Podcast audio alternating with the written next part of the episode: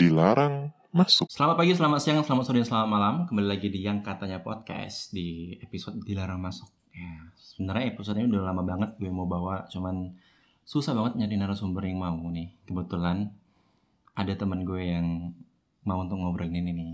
Halo Za, Hai, sehatnya? sehat dong. Gimana nih pas gue ngajak ngomongin ini, lu kaget atau ngerasa kayak Hmm, ya sih awalnya sih kayak ya sebenarnya kaget sih. Cuman emang ini emang harus diomongin karena ini emang bukan hal yang tabu untuk dibahas. Bahkan Nah. ini benar-benar aware untuk semua orang tahu. Apalagi kayak seumuran kita sih. Benar, benar. tergantung lo ngambil dari perspektif apa gitu ya. Iya, Kalau lo ngambil dari perspektif jorok ya segala Iya, ngomong tetap ah, jorok kan. Tapi kan benar. sebenarnya lebih kayak keresahan gue dan keresahan lo nganggap kayak seks ini nggak sebatas cuman Mhm. cuman doang ada lebih Mhm. dari yang sebenarnya yang bisa lo ambil esensi Ah. ataupun value dari seks ini Hmm. kan. Banyak. Ya sesuai dengan yang pernah gue yang gue bilang di story kemarin Hmm, di story kata katanya podcast gue bilang kayak gini "Uh, baik gak kalau seks pas pacaran itu Mm-mm. kan gue polling itu ya so far 65% bilang enggak 40% bilang iya gitu Mm-mm. loh berarti kan ada perbedaan ah, pendapat nih Iya, berarti terhadap- jauh dong perbedaannya Ah, ya, kayak kayak ada perbedaan 50-50 gitu per- perbedaan pendapat soal Hmm, seks pas nikah sama seks pas pacaran hmm. tapi sebenarnya gue mau sebelum terlalu jauh gue ngomong sama lu, gue mau tanya Hmm. dulu nih definisi seks bagi lu apa? Apakah kalau pernah gue bahas di dilarang masuk sebelumnya itu seks bagi teman gue itu bilangnya udah seks gitu loh. Tapi Hmm. kalau cuman terus kayak kalau gue kan mengkategorikan B1, B2, B3 gitu loh. Atau Hmm. cuma sebatas B2 itu bagi gue ya udahlah termasuk seks gitu. Hmm. Bagi lu gimana? Menurut gue sih kayak seks itu pas dia udah Oh, gue 3 biasanya sih. tiga gitu ya. Ah. Base 3 itu udah dikategoriin seks. Tapi kayak menurut gue sih kalau ciuman itu uh, belum dikategoriin seks. Ibarat gitu. kan ya itu kayak pra Oke, seksnya gitu loh. gitu Ngerti nggak sih ya foreplay, foreplaynya. foreplay Ah. gitu. Hmm. Oke sih. Oh berarti santai lah ngobrol ini. Yap. Oke, ini gini deh. Eh rasa nggak sih lu sebagai perempuan nih, sebagai cewek ngelihat kayak seks itu selalu perempuan yang dirugiin gitu. Kalau kita ngomongin Hmm. seks, Mm-mm. di mana pun kayak selalu perempuan yang dirugiin dalam obrolan uh, laki-laki nih. Tapi kalau dalam obrolan perempuan sendiri, kalau lagi ngumpul sama temen lo, kayak Mhm. lagi santai di kamar lo sama sama temen-temen lo, apakah obrolan itu seputar itu juga yang kayak bilang bisa bisa dikategorikan mendiskreditkan laki-laki itu soal Hmm. seks itu. Ya menurut gue sih seks itu prinsip masing-masing sih ya. Mm-mm. Ibaratkan untuk cewek sendiri kalau dia udah berprinsip dia mau nge-seks ya itu pilihan dia dan dia harusnya komit dong dengan pilihan dia. Dia juga harus tahu uh, mikirnya udah jauh nih Hmm. apa yang dia dapat dari seks itu apa. Uh, dan ya ada baik buruknya lah ya dari Pastilah. seks itu ya. Hmm. Um, dan kalau misalkan dia udah milih buat seks sih menurut gue itu pilihan dia dan ya gue nggak nyalahin sih. Hmm. Tapi ya gue juga punya prinsip sendiri Ah. masalah itu. Cuman mm, ya itu gitu deh. Iya, intinya kalau memang kalau lu udah komit, ya udah gue mau nge-seks sama Hmm. pacar gue, ya udah nggak masalah. Eh sorry, bukan nggak masalah. Lu harus juga komit kayak apa pun setelah itu terjadi ya, Hmm. sorry itu sih ya Apa, apa pun itu mm, itulah ya. pokoknya. Kemungkinan terburuk Nah, pun kemungkinan terburuk pun ya hamil, di nikah segala macam ya harus tanggung Harus jawab, terima, harus terima gitu. Tapi terkadang orang itu susah karena gini nih, kenapa banyak sekali hal-hal yang selalu mengganggu kita tuh kayak gini. Orang lingkungan kita lah, contoh Mm. misalnya kita tuh kayak membeli kondom aja tuh masih malu-malu gitu. Mm-mm. Jadi gini, jadi gue pernah cerita, gue ada cerita lucu sebenarnya. Ada ibu-ibu sama anak-anak, sama, sama Mm. anak-anak, sama anaknya nih Mm-mm. di Indomaret. Terus dia bilang ke pegawainya gini, Mbak, tolong dong kondom ini jangan taruh di depan kalau Mm-mm. jual kalau ini ditaruhnya gak enak ada anak-anak. Terus gue aneh kan, Mm-mm. terus gue ngomong, loh ini kan gak masalah bu, ini Mm. kan bukan hal yang aneh, tinggal ibu bagaimana mengedukasi anak ibu Mm-mm. soal apa itu Mm. kondom Iya. dan nggak ada masalah sama kondom gitu loh Mm. malah kondom ini salah satu program pemerintah gitu Mm. kan untuk menahan peningkatan populasi di Mm. Indonesia gitu jadi dari hal kecil itu aja orang terhadap kondom stereotipnya jelek orang beli kondom dibilang nakal orang Mm. beli kondom dibilang eh, apa pun itu jadi kayak Mm-mm. sekarang gue pernah baca kayak lu lebih malu beli- kondom atau Oh. lu malu nahan 9 bulan gitu kan Mm-mm. jadi kayak ketika ada kondom ya udah itu lu pakai kondom gitu, daripada lo jebol gitu kan Aha. ketika lo komen untuk nge-sex gitu. tapi ada cara untuk gimana caranya ada di masa lo untuk nge-seks dan kondom itu salah satu solusi nih kalau lo mau nge-seks tapi lo nggak mau eh, nikah sebelumnya, eh, mau hamil sebelum nikah dan bahkan kondom itu juga sering dipakai sama orang yang udah suami istri dan Hmm. mereka kayak menahan selain pil KB dan Hmm. spiral segala macam untuk nahan belum punya anak gitu. Hmm. Berarti kan kondom itu ya edukasi. Nah, berarti yang permasalahan kita soal edukasi seks gitu. Hmm. Tapi di lingkungan di lingkungan Zaza sendiri soal seks itu tabu nggak untuk dibicarain? Kalau lingkungan gue sih karena gue tinggal di kota yang bukan ibu kota maksudnya kayak ya di Palembang.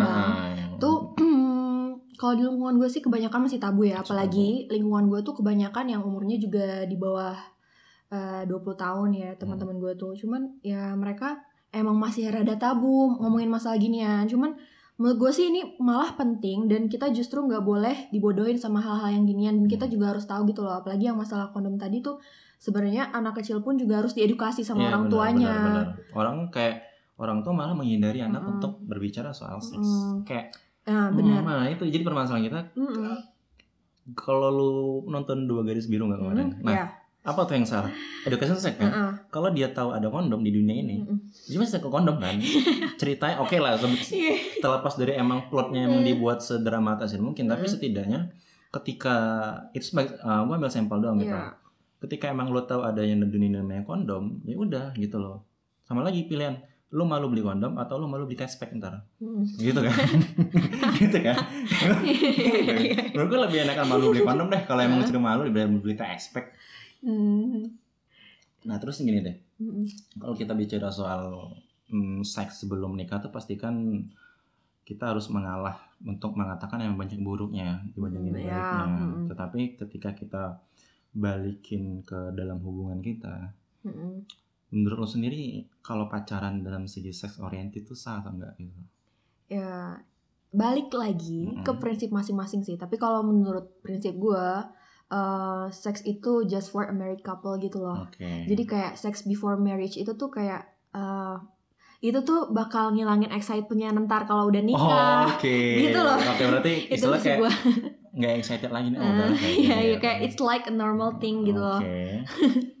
berarti kalau sex oriented balik-balik orangnya gitu. ya? Iya Dan itu kalau dari segi pemikiran lo sendiri benar salah itu relatif kan otomatis. Mhm. Tapi setidaknya tuh ada ada garis besar yang nganggap kayak orang mempermasalahkan itu. Misalnya let's say ada orang mempermasalahkan kayak kita bicara soal perempuan Mhm. mempermasalahkan cowok yang Mm-mm.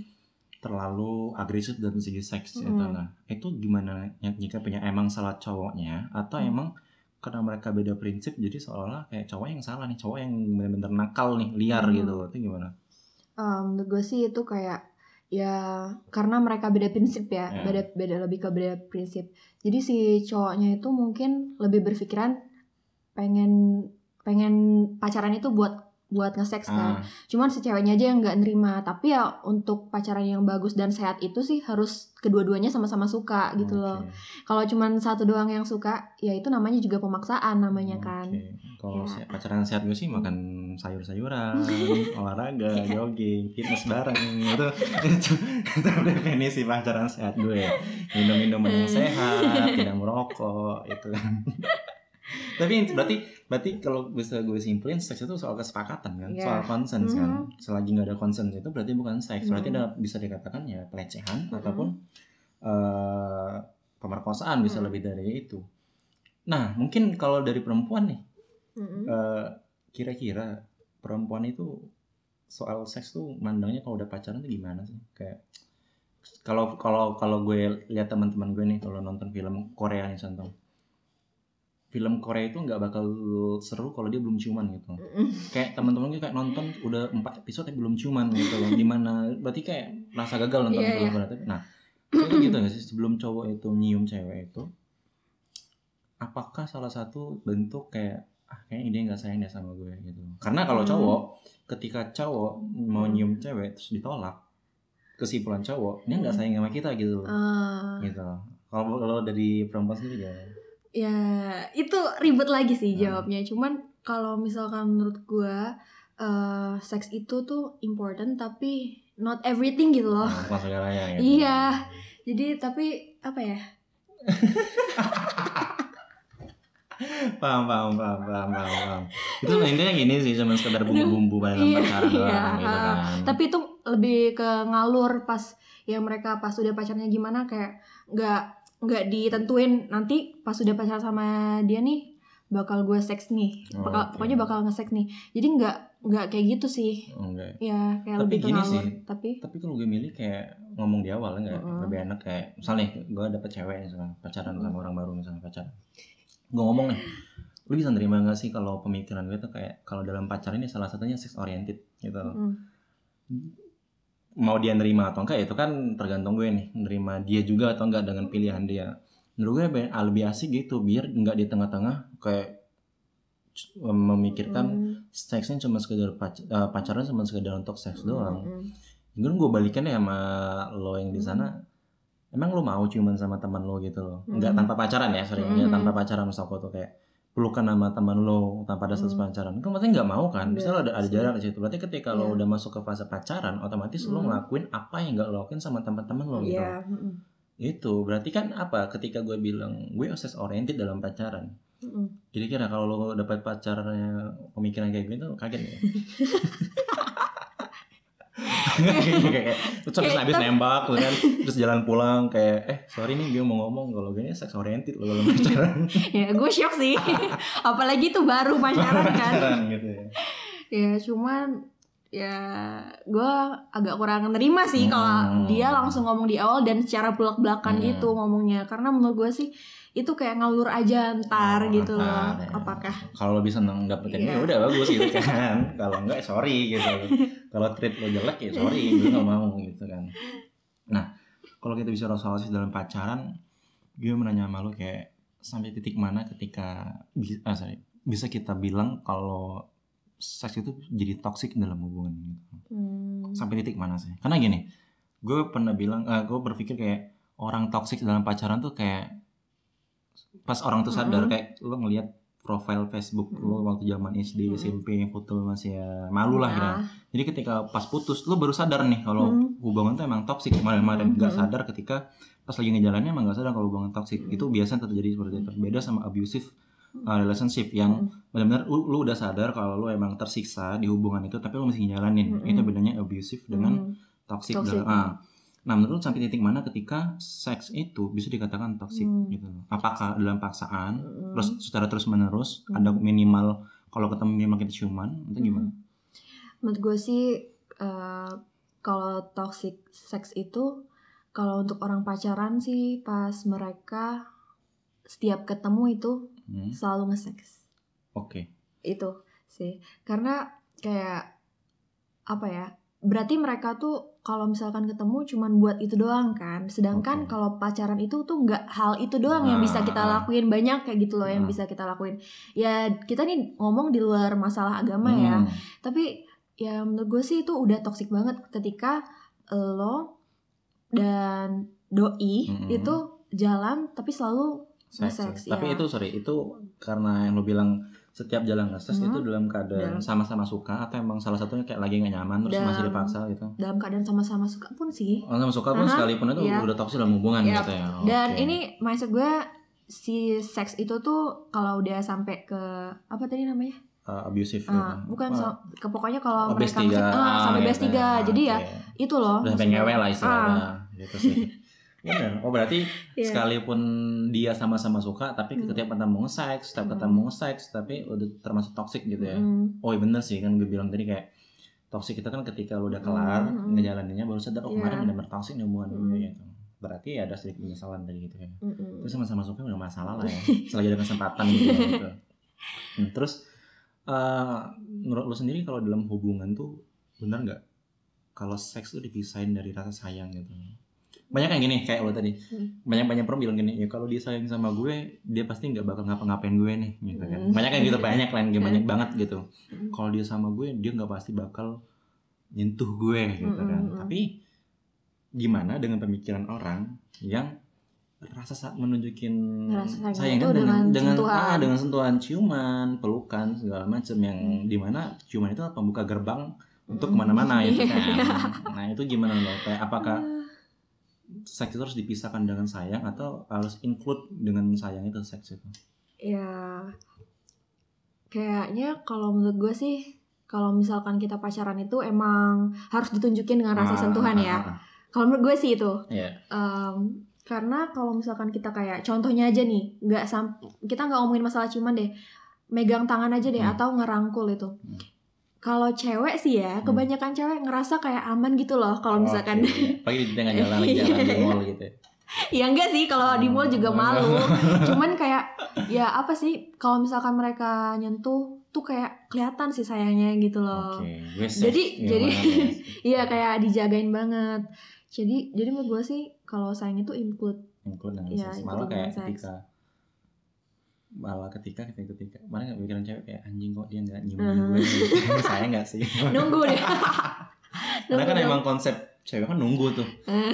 cewek kan Oh iya, cowok nggak- cewek nggak bisa mulai duluan. duluan. Ya ada sih yang mulai duluan banyak, cuman- cuman kan stereotip tadi takut dibilang Iya. cewek Mm, nafsuan lah mm, bilang cewek agresif. Sebenarnya kalau masuk ke konsep pemikiran gue Hmm. nggak masalah lah mau cewek mulai duluan segala macam.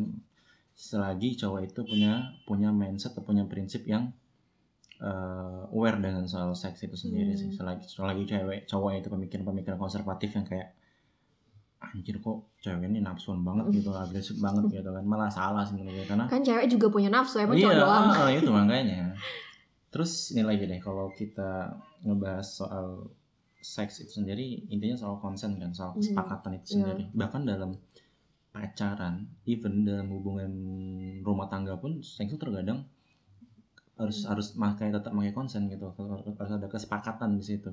Karena telah terciptanya undang-undang KDRT misalnya Hmm. itu karena di balik itu semua untuk pelindungan perempuan untuk laki-laki dalam itu. Berarti ketika cowok bedain gimana sih?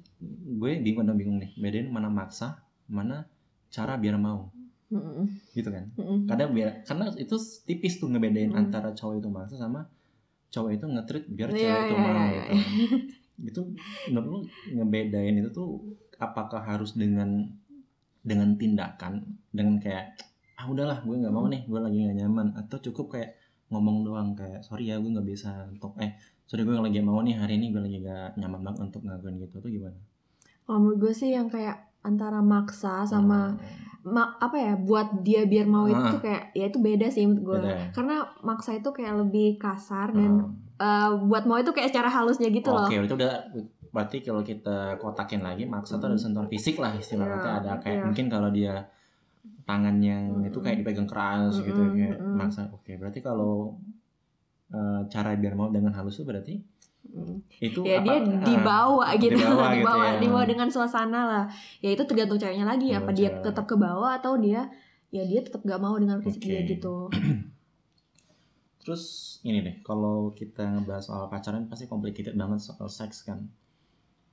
Kalau kita bilang seks sebelum nikah, orang pasti bakal ngarinya kayak cewek itu cewek nakal lah, Mhm. cewek itu cewek yang uh, bisa lah dengan cowok mana pun. Sebaliknya juga cewek, cowok juga seperti itu. Cowok juga dibilang cowok PK lah, Mm-mm. cuma ng- ngincerin itu doang. Mm-mm. Nah menurut lo definisi cowok PK tuh gimana sih? Gitu. Oke, definisi cowok PK atau penjahat kelamin. ya, saya- Menurut gue sih cowok yang PK itu kalau dia hmm, tiap dia pacaran itu gonta-ganti. Mm-mm. itu tuh yang pertama. Terus yang kedua, tiap dia pacaran dia selalu nyalurin seksnya. Mm-mm. Itu menurut gue Tanpa ada komitmen Ya, katanya. ah, tanpa ada komitmen ya, Ah. tanpa tanpa ada komitmen. Jadi dia kayak cuman gunain cewek itu cuman eksploitasi doang dan jadiin jadiin si cewek itu bahan dia untuk memuaskan seksualnya dia aja gitu. Oke.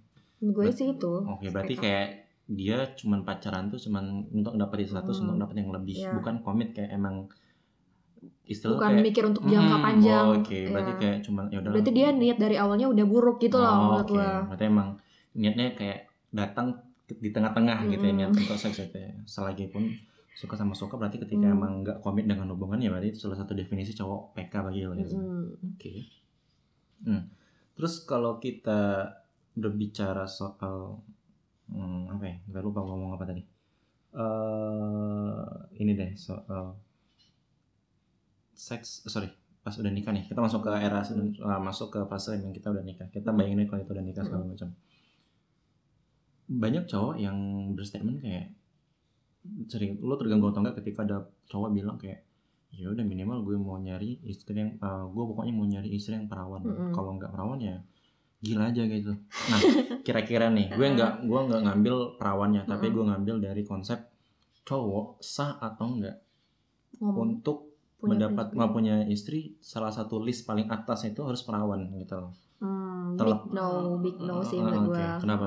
Karena uh, menurut gue sih kalau misalkan dia nikah itu yang dia cari perawan, ya nggak bisa gitu dong. Dia harusnya itu kalau emang dia benar-benar sayang sama tuh cewek, uh, setelah dia nikah tuh yang dia pikirin bukan perawannya, Oke. tapi kayak dia juga harus terima kekurangannya apa pun itu. Apa pun itu ya. Karena kayak uh, si cewek walaupun dia perawan apa bukan pun itu kayak nggak dijadiin opsi atau standar lah. ya. standar lah buat Oke. Buat bisa dapat suami gitu loh. Benar, Dan gimana gimana gimana cara kita mau ngeliat si cowok itu masih perjaka atau enggak karena kita nggak bisa iya, kan nilai itu gitu loh. Jadi itu nggak benar-benar nggak ya. adil. Heeh. Jadi kalau dia mau bilang kayak gitu sih salah banget. Dan eh, si cewek itu juga walaupun dia juga udah lose her virginity Hmm. tuh dia tetap ada worth dan value-nya lah. Pastilah. Dianya dia juga eh, tetap harus dapat yang sama dengan si cowok yang pas Hmm. setelah nikah tuh. Oke, Gue berarti eh, apa ya istilah tuh kayak nggak nggak melulu soal perawan lah. Perempuan Hmm. itu nggak selalu soal perawan. Jujur sih di, karena gini deh. Pas lagi pacaran pun menurut gue cewek pasti tersinggung ketika ditanya kayak lu pernah ngapain sama mantan mantan lu gitu kan? Itu kan pertanyaan paling bodoh. Ya. itu menurut gue pertanyaan laki-laki paling bodoh ketika dia nanya pacarnya. Iya. pacarnya gue bilang udah bodoh gitu apalagi dia nanya sama istrinya kayak terlepas Hmm, iya, dari iya, hak iya, dia iya. untuk nanya itu udah menjadi istri sahnya menurut gua dari segi moral Mm. tuh goblok Uh-uh. sih kayak ngapain lu ngurusin masa lalu dia Iya, gitu benar-benar loh benar. Itu sensitif banget dan nggak pantas lah buat ditanyain. iya karena Hal yang nggak penting juga buat dia tahu. iya untuk hal penting kayak malah jujur jujur kenapa gue selalu ngindarin pertanyaan itu karena ketika gue tahu ya gue sendiri bakal sakit hati kan Iya. wah anjir berarti gue gue yang udah keberapa nih Uh-uh. jadi kayak menghindari sakit hati biar gue nggak itu nggak ngeluarin pertanyaan-pertanyaan goblok itu sih sebenarnya. Mm. dalam hal pacaran pun pertanyaan itu sudah pertanyaan definisi pertanyaan goblok gitu apalagi udah nikah gitu. Ya. bener-bener ngejalaninnya sampai mati Mm-mm. istilah kan. Kalau pacaran ya mungkin masih ada masa Ah, gitu oh, putus, putus, segala ah. macem. Jadi buat apa lo nanyain? Eh belum udah ngapain lo Hmm. mantan mantan lo? Dulu udah ciuman lo? Aduh, anjir itu nggak penting banget gitu goblok gitu. Terus gini sih terus kalau gue juga sama kayak lo kayak gue pun sebagai cowok nggak nargetin eh, malah per- perawan itu mungkin pas fase-fase SMA SMP gue masih kayak berpikir kayak oh cowok ini gini-gini tapi kalau udah ma- makin ke sini gue udah kayak menghapus list perawan Hmm. dari mendap- untuk istri gue sendiri gitu Hmm. karena gue ngerasa kayak ngapain sih gue gue cuma ngambil perawan doang gitu loh Hmm. gue nggak anggap cowok cewek itu nggak perawan lagi juga jelek nggak jelek, Hmm. eh, jelek nggak nganggap dia nakal segala macam karena bagi gue gue tahu cewek itu pas det- detik pertama gue kenal gitu loh Mm-mm. setelah sebelum dia gue kenal nggak kenal sama dia itu Ya, urusan dia gitu loh. Benar. kecuali nih kecuali Kecuali- dia melakukan hal seks itu ketika di saat gue udah kenal Iya, sama dia iya, iya. bisa dikatakan selingkuh, Selingkuh. lah atau segala macam itu baru dipermasalahin karena apa karena detik di sudah di detik gue kenal sama dia Hmm. tapi kalau sebelum dia gue kenal dia sama di detik sebelum gue kenal dia ya itu bodo amat Itu sih kan itu masa masa lalu dia dan pilihan dia dan kedua ya nggak adil aja sih bagi gue kayak ngelihat cowok cewek itu kayak kita mudah banget menci- menciri khaskan cewek itu nggak perawan lagi segala macam Hmm. sedangkan cowok apa coba Mm-mm. kecuali kalau dia kejujuran dia sendiri udah pernah ngapa-ngapain dan itu salah satunya perlu, perlu edukasi juga sih Zah. Hmm. karena gue pernah nanya sama teman gue yang Hmm. anak FK uh, Hmm. kuliah kedok- kedokteran kalau perawan itu nggak melulu soal berdarah gitu vaginanya soal berdarah ada juga yang kan itu kan bicara soal salah berdarah segala Iya, macam iya. tuh ada yang berdarah ada yang enggak Mm-mm, gitu loh. Iya. jadi kayak ketika lo ngedapetin istri lo keadaan tidak berdarah lo jangan ngejudge dia nggak perawan Ah, lagi. iya. mungkin dia emang nggak emang selaput darahnya emang tipis banget dan Mm. dry dari dikit atau mungkin lo punya lo kekecilan aja. Gitu kan. Jadi nggak nyampe. Kayak gitu. Jadi lo jangan mikirin kayak uh, mentang-mentang istri lo nggak berdarah kayak Iya, anjir perawan banget, lagi ya lo introspeksi diri Aduh, andai aja semua cowok tuh berpikiran kayak lu. Karena nggak semuanya nih tapi yang open susah minded gini. tapi tapi gini loh malah gue malah Hmm. kesulitan ketika berpikir gini di di lingkungan gue yang Ya, yang close minded terhadap karena sensitif banget untuk ngebahas ini seolah-olah Ah. kayak gue nih nakal lah Hmm. terus pemikirannya liar segala macam tapi ya udah bodo amat gue menganggap, menganggap kayak semakin lo konservatif untuk pikiran Heli semakin susah juga lo bakal mikir ke depan sih Hmm. itu sih jadi kayak kalau cowok-cowok sana masih next masih men kategori masukin perawan dari list Mhm. ya lo harus dipikir-pikir lagi sih Iya. itu lepas itu sekali lagi kita mau disclaimer kalau kita Mhm. bukan bahas soal agama di sini Mm-mm, karena itu udah mm-mm. final tapi ini Iya. kayak konsep hidup kita dalam sehari-hari sebenarnya iya. itu sih sebenarnya berarti eh, itu sih terus gini deh Hmm. gimana caranya lo nyikapin orang kita open minded terhadap Mm. orang yang close minded gitu Hmm. gitu kan kayak Iya. kalau gue berani bilang eh, kalau gue bilang gini ketika lo risih dengan orang close minded Uh-uh. berarti lo belum seutuhnya open minded gitu Ya, lo gimana nyikapinnya kalau kalau gue sih ya tadi karena gue ngehargain prinsip orang, Hmm. karena gue pengen prinsip gue dihargain, tapi gue harus ngehargain prinsip Oh, orang dulu dong. Jadi gue nggak bisa nyalain juga pemikiran mereka yang kayak gitu. Dan itu juga gue masih belajar sih, karena susah sih kalau kita mau nyamain prinsip kita sama Hmm. orang lain. Itu susah dan nggak bisa, nggak bakal bisa satu. Hmm. Ibaratkan orang kembar pun bisa beda prinsip. Bisa beda. siapa pun bisa beda prinsip gitu. Cuman gimana caranya kita menyikapin hal tersebut dengan eh, contohnya nih kalau misalkan ada yang beda prinsip sama gue ya kayak oh gue setuju sama lu tapi gue punya prinsip gitu loh. Jadi kayak Hmm. belajar bahasa Indonesia kan waktu SD yang Iya. gimana caranya kita ngomong dengan orang eh, kalau dia punya pendapat tuh nggak langsung kita mentah-mentah tolak Hmm. gitu loh. Tapi kayak kita oke menghargai pendapat dia tapi Hmm. kita juga kasih tahu pendapat kita apa gitu. Oke, sekalipun berbeda ya nggak masalah. Hmm, Berarti sekalipun ya, itu brainstorming masalah. untuk Heeh. prinsip ya udah nggak Hmm, masalah. iya. Kecuali kalau udah sampai titik di mana lo bener-bener menghardik ataupun menjudge itu Hmm, salah itu gitu. salah Karena prinsip banget. orang beda-beda kan. Hmm. Ketika ideal eh, dia berpikir dengan idealisme dia, kayak Hmm. ideal begitu dengan otaknya dia gitu sih sebenarnya. Sama sih. Hmm. Tapi sulit sama di era sekarang ini ya kita open minded terhadap orang close minded itu kayak beda-beda tipis sama kita Hmm. close minded juga gitu berarti kita nggak aware dengan orang yang Mm, close minded iya. gitu. dan juga kita nggak bilang orang-orang close minded itu salah Iya. orang-orang katrok enggak Mm, emang iya. idealisnya mereka ini dan Hmm. sedangkan di perkembangan zaman ini begini sama kayak ketika kita bilang kayak lo ngapain sih masih main Twitter lo ngapain sih masih main Facebook gitu Hmm. dengan kita sekarang era sudah main Instagram Mm. terus uh, YouTube Iya, segala macam nggak lagi nyentuhin namanya Facebook sama Mm. Twitter apakah salah dia main Twitter, Mm. Twitter sama Facebook Ya, enggak gitu enggak. karena idealis mereka ya gue nyamannya main Twitter gue Mm. lebih bisa ngomong bebas di Twitter di Mm. Instagram gue cuma untuk ngupload foto doang nggak bisa Mm. ngemeng gitu loh Mm. kan jadi kayak itulah ya, kayak contoh Iya, gimana contoh, ke- ya. kita bisa open minded terhadap orang-orang yang close minded Close-minded. ya itu sih nah terus nih gue agak pertanyaan mungkin agak makin dalam sih Mhm. kira-kira menurut lo sah atau enggak ketika seks itu mempengaruhi hubungan gitu kebaik sama Oke. keburuk nih untuk positif negatif kalau gue bisa contoh Ah. misalnya kalau gue bisa bilang di podcast gue sebelumnya gue bilang kayak semakin bagus servisan pacar lo Hmm. itu bisa bikin makin sayang gitu loh gitu semakin bagus tuh ya mungkin nih Ya. Ciuman nih mungkin lu kayak anjir ciumannya enak banget nih kayak sama dia gitu kan Oke oke. kayak kecupannya enak terus kayak permainan bibirnya enak terus kayak lu makin sayang sama dia bisa bisa menimbulkan rasa sayang sama itu menurut lu gimana sah atau enggak gitu terlepas dari prinsip lu gimana terus kayak mandang ke Ya. eh, secara seks secara luas gitu Hmm. Kalau karena gue belum pernah ngerasain sih. Iya. Jadi nggak, gue nggak tahu sih Ah. itu apakah mempengaruhi apa enggak. Tapi kalau yang eh, gue lihat dan kayaknya kayak kayaknya nih, Hmm, kayaknya itu mempengaruhi deh. Kayaknya. ya. Ah.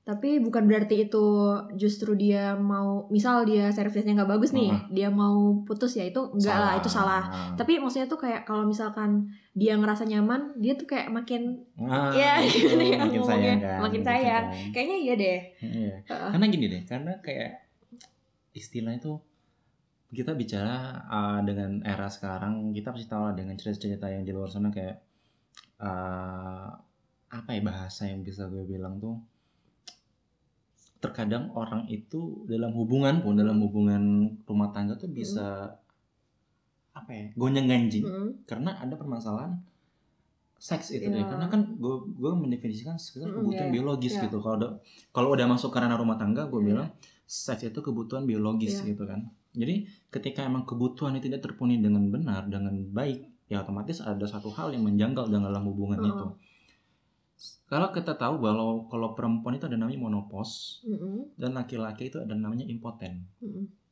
apa sih istilah kata eh, istilah kata tuh kayak ejakulasi dini segala macam lah tapi bedanya kalau perempuan itu monopos itu cuma bisa nggak bisa hamil Mm-mm. cuma sekedar itu tapi untuk eh, fantasi seksualnya untuk kegairaan seksual tuh nggak pernah bakal hilang Hmm. tapi kalau cowok dia tetap eh, bisa nge- eh, tetap berproduksi Hmm. tetap ber- tetap produktif eh, apa istilahnya itu kayak itunya apa Hmm. aku bahas spermanya sorry spermanya cuman dia mengalami impoten atau pengurangan untuk gairah itu Mm-mm. Nah, ketika perempuan itu tidak terpenuhi oleh laki-laki itu, di mana ejakulasi dini itu otomatis perempuan ngerasa karena dia masih ada Iya. kebutuhan biologisnya masih harus terpenuhi nih Harus di, benar, di benar. standar umur tertentu misalnya Iya. sampai umur 50 tahun. Umur dia mas umur perempuan itu dalam dalam sudah sekalipun dalam keadaan monopos dia masih bisa merasakan suatu hal kebutuhan biologisnya itu. Nah, berarti kan seks ini kalau kita udah masuk ke fase nikah bukan lagi soal bumbu dalam hubungan. Iya, betul. Memang Itu udah jadi kebutuhan ah, sih salah ya. satu kebutuhan biologis kan. Sampai ya apa ya kayak eh, istilah tuh kalau kita pasti dengar candaan-candaan orang tuh kayak malam apa tuh malam Jumat segala Ah, macam. ah. Berarti kan emang udah stereotip seks dalam pernikahan tuh emang udah kewajiban, Kewajiban, ah. kewajiban. Tapi tetap Justru aneh kalau enggak. ah justru aneh kalau enggak emang dia ngapain gitu kan tapi gue sering punya pemikiran pertanyaan-pertanyaan liar pertanyaan lucu kayak gue pernah nanya sama misalnya misal contoh Hmm. sih kalau gue kayak eh, gue tersinggung sih misal istri gue beliin kayak misalnya ah, misal udah malam pertama segala Iya. macam Mm-mm. segala macam terus dia ngasih obat obat pembesar alat vital gue tersinggung dong kayak anjir kok emang kurang memuaskan gitu kan sama mungkin Yeah. mungkin sebelah sama cewek misalnya Heeh. besok pas abis itu kayak seminggu udah nikah macam besok langsung dibeliin obat pembesar payudara mungkin Hmm. ya bakal tersinggung Yalah, juga gitu ya, kan heeh. berarti ya balik-balik kalau emang udah Berarti dia kurang puas. puas kan berarti pem- intinya pembeda antara seks sebelum nikah dengan seks sudah nikah tuh kalau seks sudah nikah adalah kebutuhan Heeh. dan seks sebelum nikah tuh Kayak mungkin bisa katakan bumbu. aja gitu loh Ya, bisa dibilang gitu bisa sih. dibilang gitu kan tapi gua eh, nggak pernah apa ya pernah mikir kalau soal seks itu bisa dibilang kebutuhan ketika yang udah pacaran sih Mm. gue bingung juga kalau Ya, balik lagi gitu kan. Tergantung persepsi masing-masing. Ah, ah, karena ketika bilang seks pas pacaran itu adalah kebutuhan ya gue bilang gue mikir kayak Enggak juga. "Hmm, ya lu terlalu ego untuk bilang kebutuhan sedangkan lu nggak tahu gimana konsep seks itu dalam sebenarnya gitu Ya. Em, sekarang gue yang penasaran nih. oke Menurut lu definisi seks menurut lu tuh apa sih? Kalau bagi persepsi cowok. Ah, oke menurut menurut gue gini sih agak panjang sih nggak masalah ya Mm. Jadi gini, menurut gue seks itu adalah soal kesepakatan yang kita- di awal kita bilang tadi. Seks Mm. soal kesepakatan. Karena ketika nggak ada kesepakatan di antara dua pasangannya itu gue bisa kategori pelecehan sama pemerkosaan. Mm. Even mereka udah pacaran ataupun udah menikah gitu loh. Se se se, se apa ya? Setinggi itu level Mm. seks bagi gue. Wow. Dan ketika karena ya karena intinya seks itu untuk kenyamanan dong. Heeh. Percuma lo ngelakuin seks tapi nggak nyaman Mm. gitu. Nah kalau gue seks itu harus sama-sama uh, dalam tanda kutip puas gitu. Mm. Karena gini, karena gue agak rasa kalau di era orang uh, seks di pacaran itu gue berani bilang cuma cowok yang puas gitu. Ketika uh, dia berprinsip sama sebatas bis dua gitu ya, Iya. kan bisa tuh bis bis tiga segala macam. Karena apa? Karena cowok yang mengalami ereks, ya sorry mengalami orgasme gitu. Hmm. Cowok, cewek sangat-sangat jarang Ah, untuk ah, ah. untuk orgasme dengan cara seperti itu. Nah, gue pikir lagi gini, ketika itu selalu dilakukannya setiap pacaran bertahun-tahun, itu bakal menimbulkan di mindset dia seks itu soal kepuasan diri dia sendiri, Mm-mm. tanpa memikirkan kepuasan bagi perempuan lain soal Hmm. seks itu. Ah, Itu ah. bahayanya. Jadi seolah-olah dia memper- mengeksploitasi perempuan untuk memuaskan seks eh, bio- kebutuhan biologisnya dia tanpa memikirkan perempuan terus juga harus puas gitu. Ya mungkin cewek juga malu sih ngomong kayak kalau di sisi pacaran gak ngerasa Iya. pasti bakal malu loh bilang kayak kok lo nggak ngapa-ngapain kayak gitu kan pasti Iya. kan harus juga memikirkan cowok juga harus kayak gitu jadi intinya kalau seks itu nggak ada kepuasan dua menurut gue nggak asik sih Ya sebenarnya gila Parah sih. banget bahasa lo. ya karena Iya. karena se se complicated itu soal seks jadi kayak karena orang mengambil kulitnya doang tapi kalau gue nganggap seks itu udah dasar-dasar itu kayak intinya kenyamanan kepuasan dan kesepakatan sih Oh, ketika oke. tiga, Tiga. unsur terpenuhi gue yakin deh kalau besok besok lo nagih sebenarnya apalagi dan apalagi pengalaman cowok mungkin ya Hmm. kalau ditolak jangan ditolak untuk ajang seks itu ditolak ciuman pun mungkin cowok tuh rasanya kayak ditampar di tengah mall gitu sih tapi parah sih kalau kayak lo ngajak ciuman sama pacar lo tuh kayak ditolak gitu Hmm. rasanya Lo pernah ngerasain gitu? Pasti pernah lah seluruh, seluruh cowok tuh pasti pernah ngalamin itu sih pasti ya Hmm. apalagi kalau baru-baru pacaran segala Hmm. macem kayak ya karena cowok mungkin ya anggapnya kayak udah pacaran beberapa bulan ada kesempatan ada Hmm. waktu ada timing ya ambil cuman pas ditolak anjir kayak rasanya di tengah-tengah mall dilihatin orang ini tampar gitu loh rasanya kira-kira sih Hmm. jadi sekomplikated itu seks bagi gue sih sebenarnya Tapi lo percaya nggak sih sama pacaran yang udah lama tapi dia nggak pernah ngapa-ngapain banget gitu? Percaya nggak lo? Ada nggak sih orang yang gitu? percaya nggak percaya sih tapi gue eh, mencoba untuk percaya aja gitu loh Hmm. karena nggak ada rugi dan nggak ada untung juga sih iya. untuk nggak percaya atau percaya sama dia tapi dia gini eh, intinya ya kalau yang pendengar podcast ini ngerasa kayak ketika lo komit belum pernah ngapa-ngapain bagus gitu loh pertahanin Iya, sampai lo pertahanin, nikah iya, gitu ya. tapi Kalau ketika bisa. ah, dan terus kalaupun lo udah ngejalanin seks ngejalanin yang lo udah base 3 ya udah ketika emang tuh pilihan lo ya udah jalin lagi tapi tetap Hmm. tetap ingat harus komit Komit. jangan sampai lo menggugat antara cowok menggugat cewek ataupun cewek menggugat cowok ketika Bener. kayak ngerasa paling dirugikan Mhm. ya sorry sih kebanyakan kan eh, stereotip menganggap kayak kalaupun eh, seks itu paling banyak merugikan perempuan oke gue sepakat dari Hmm. segi teknis gitu tapi kan sebelum melakukan itu otomatis ada kesepakatan tuh Mhm. nah kesepakatan itu kan sama-sama suka dong nggak Hmm. bisa kayak cewek cuma gue cowok alah dia cuma ngambil Mhm. ininya dong sama Hmm. gue Ya, kecuali kalau dia ada paksaan gitu sih Hmm. Lalu gimana kayak ketika ada cowok menganggap kayak eh, ada cewek yang nganggap kayak seluruhnya salahnya cowok nih Mhm. kalau soal seks gitu Lo gimana?